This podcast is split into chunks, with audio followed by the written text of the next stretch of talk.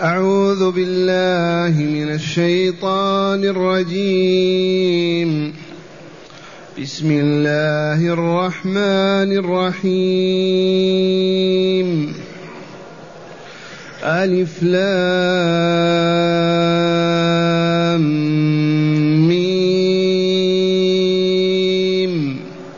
تلك آيات الكتاب الحكيم. هدى ورحمة للمحسنين. الذين يقيمون الصلاة ويؤتون الزكاة وهم بالآخرة هم يوقنون. أولئك على هدى من ربهم وأولئك هم المفلحون. اللهم اجعلنا منهم. معاشر المستمعين والمستمعات من المؤمنين والمؤمنات.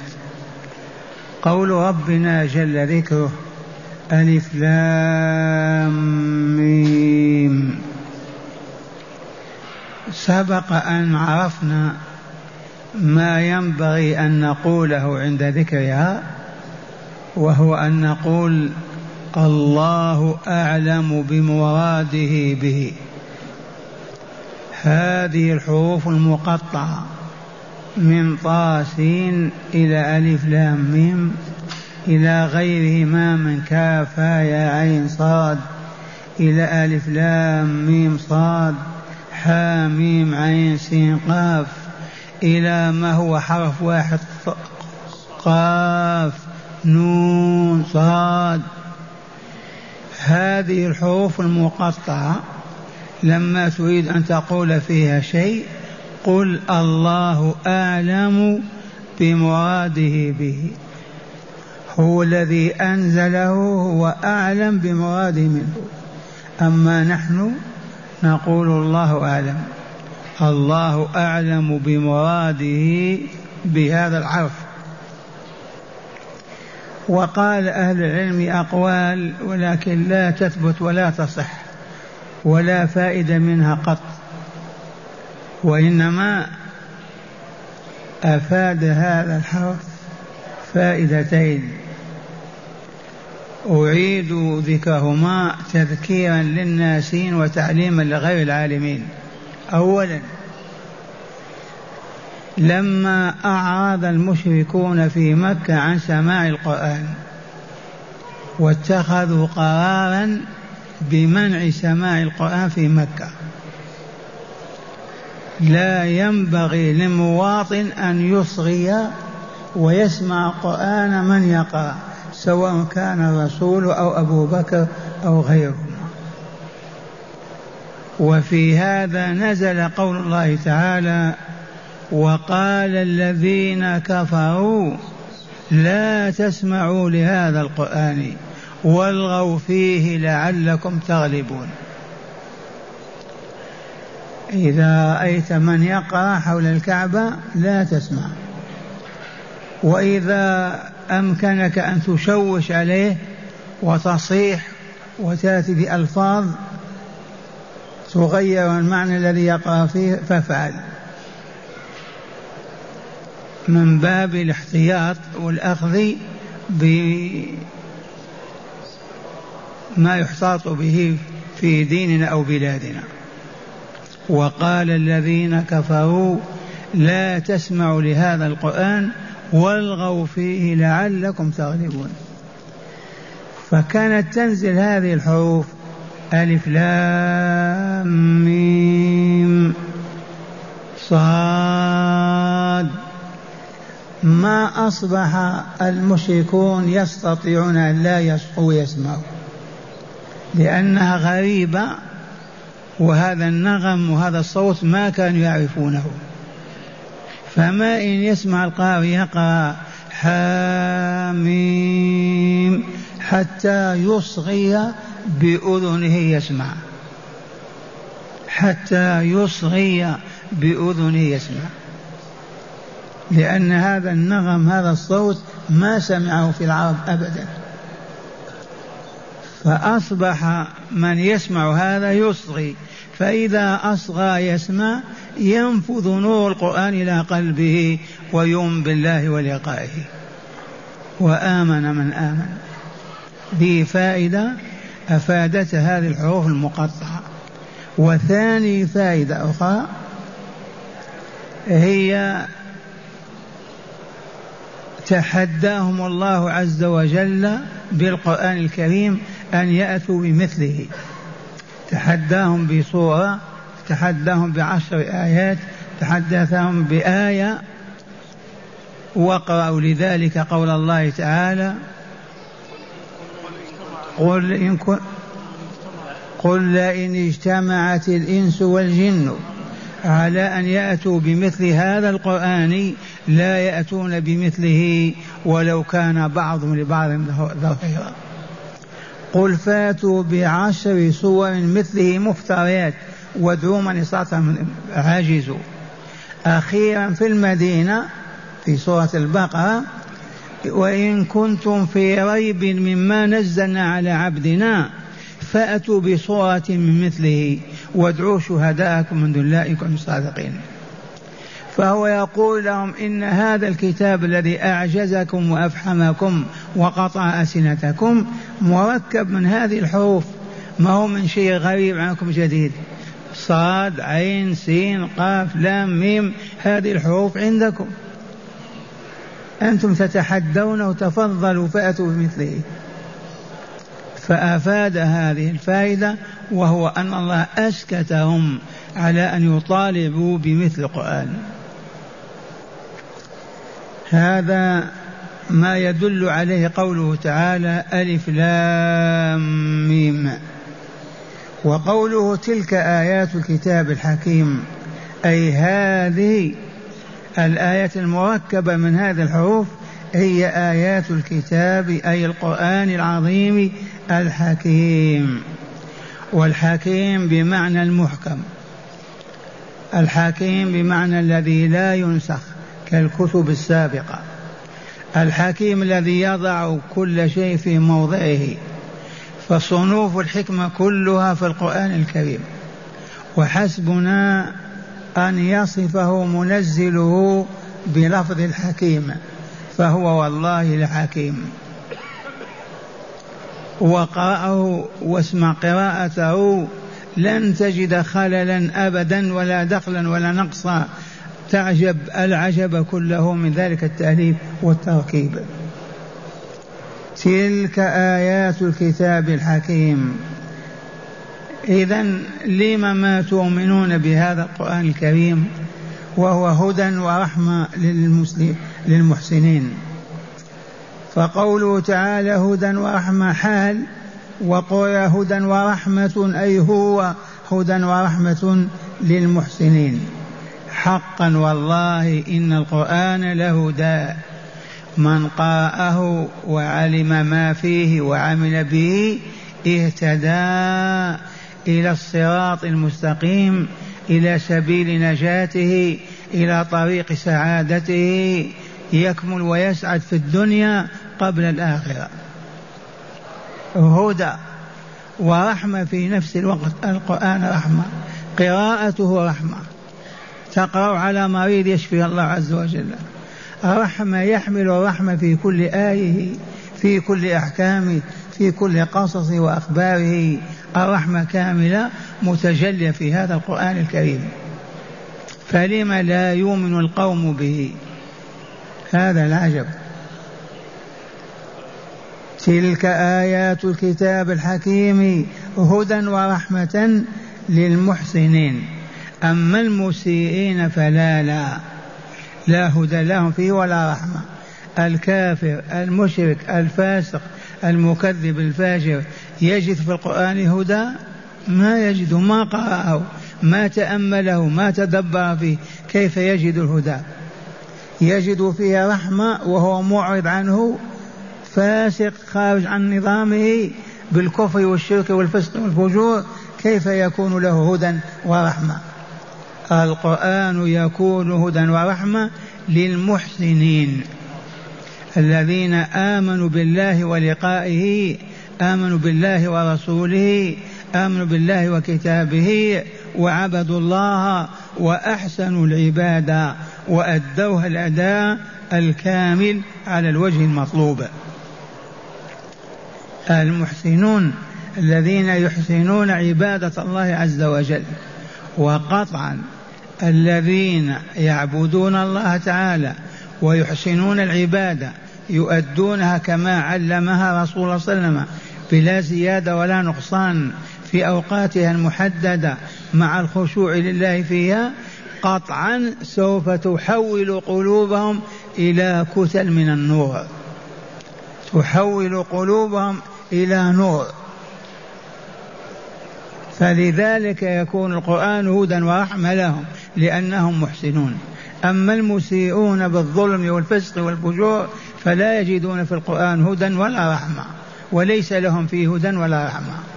وإنما هذا الهدى وهذه الرحمة خاصة بالمحسنين الذين آمنوا وعبدوا وأحسنوا عبادة الله.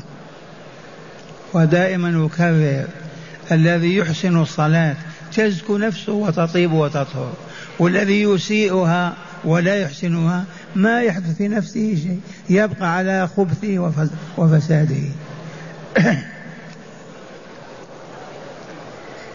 ثم قال تعالى الذين يقيمون الصلاة ويؤتون الزكاة وهم بالآخرة هم يوقنون. الهدى والرحمة التي يحملها القرآن لمن؟ أولا للمحسنين في إيمانهم وصالح أعمالهم في عبادتهم وطاعتهم. ثم ذكر فريقا منهم الذين يقيمون الصلاة. ما قال الذين يصلون؟ قال الذين يقيمون الصلاة. وإقامة الصلاة. إقام الصلاة معناه أن تؤدى الصلاة كما علمها جبريل رسول الله صلى الله عليه وسلم كما تشاهدونها في أئمتكم في المسجد. يتم ركوعها وسجودها يحافظ على آدابها وسننها يحافظ على أوقاتها يؤديها على الوجه الكامل ذلك المقيم لها. أما الذي لا يطمئن في ركوع ولا سجود أما الذي لا يحسن قراءة الفاتحة ولا يقرأ صورة أما الذي يدخلها وهو على غير وضوء فكيف يستفيدون منها؟ ما تزكي نفوسهم ولا تطهرها. لا بد من إقام الصلاة. مرة ثانية الصلاة هي الأوقات الخمس الصبح والظهر والعصر والمغرب والعشاء. أداؤها يجب أن يكون على الهيئة التي أداها عليها جبريل أولا في مكة عند الكعبة حيث علم رسول الله صلى الله عليه وسلم كيف يصلي. يومين وهو ينزل يعلم الرسول أوقات الصلاة أول وقت وآخره أول الوقت وآخره. ثم علمها أصحابه فهذه الصلاة إذا لم تؤدها على الوجه المطلوب ما أقمتها. معوجة وتسقط ما تنفع. لا تقيمها إلا إذا أديتها على الوجه المطلوب. أولا شروطها الخارج عنها كالطهارة. استقبال القبلة. لا بد من ستر العورة لا بد من هذه الشروط. ثانيا تؤديها في الوقت المحدد لها في الظهر والعصر والمغرب والعشاء.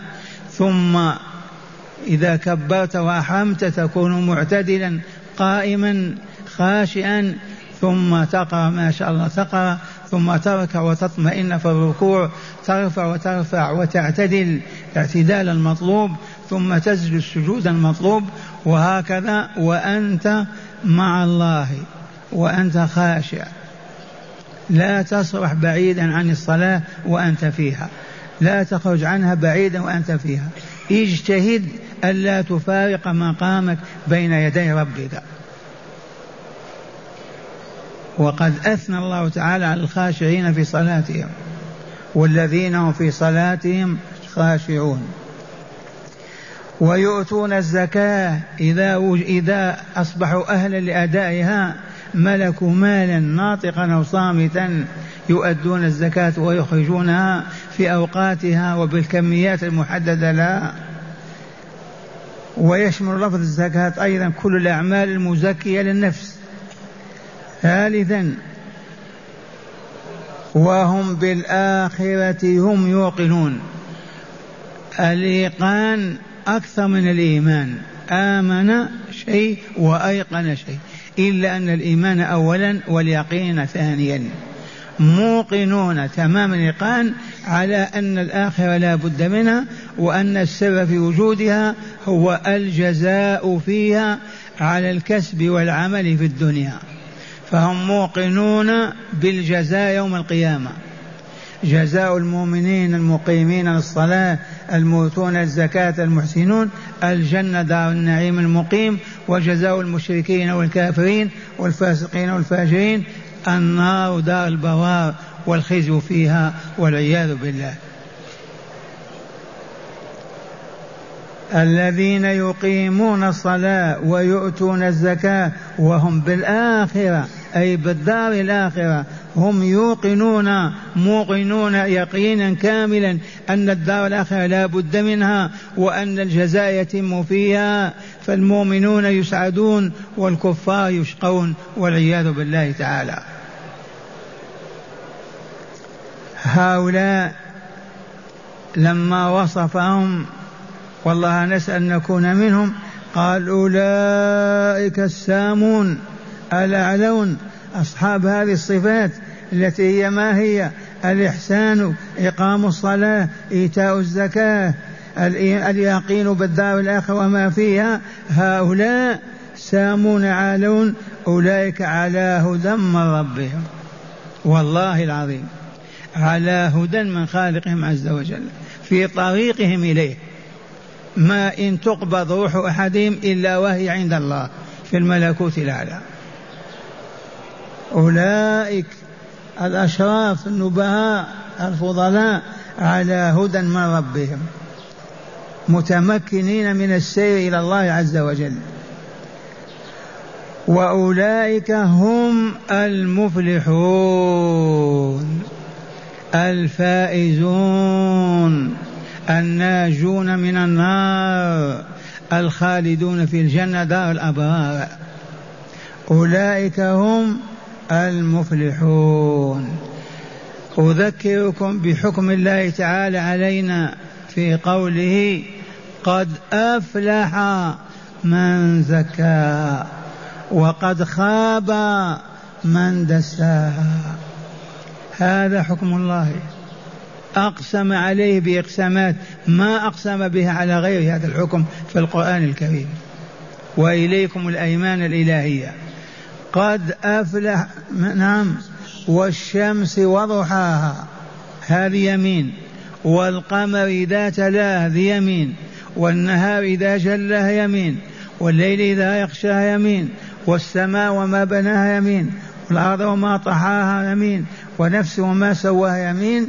فألهمها فجورها وتقواها. لماذا حلف؟ على قوله قد أفلح من زكى نفسه. وقد خاب من دساها وليكن أبيض وإلا أسود عربيا أو عجميا في الأولين أو في الآخرين. هذا حكم الله حلف عليه. والله لا يفلح إلا من زكى نفسه. أحببنا أم كرهنا؟ قد أفلح من زكاها وقد خاب من دساها. وفسر لنا الفلاح بأنه الفوز وفسر لنا الفوز بأنه النجاة من النار ودخول الجنة دار الأبرار. إذ قال تعالى من سورة آل عمران كل نفس ذائقة الموت. من يستثني شيئا؟ نطاطي رؤوسنا. كل نفس ذائقة الموت. وإنما توفون أجوركم يوم القيامة. ما هو الآن؟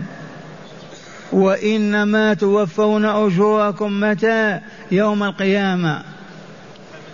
فمن زحزح هكذا عن النار وأدخل الجنة فقد فاز. وما الحياة الدنيا إلا متاع الغرور والشاهد في الفوز هو الفلاح والفلاح والنجاة من النار ودخول الجنة. دار الأبرار. معاشر المستمعين مع هداية الآيات. بسم الله والحمد لله. من هداية هذه الآيات أولا بيان إعجاز القرآن حيث ألف من مثل ألف لام ميم وصاد وطاسين ولم يستطع خصومه تحديه. آه نعم. إعجاز القرآن. للإنس والجن. لماذا؟ لأنه مؤلف من هذه الحروف المقطعة. طاسين صاد قاف. ومع هذا تحداهم بالإتيان بصورة فقط. والله ما استطاعوا. وقال ولن تستطيعوا. ولن تفعلوا. ما يفعلون.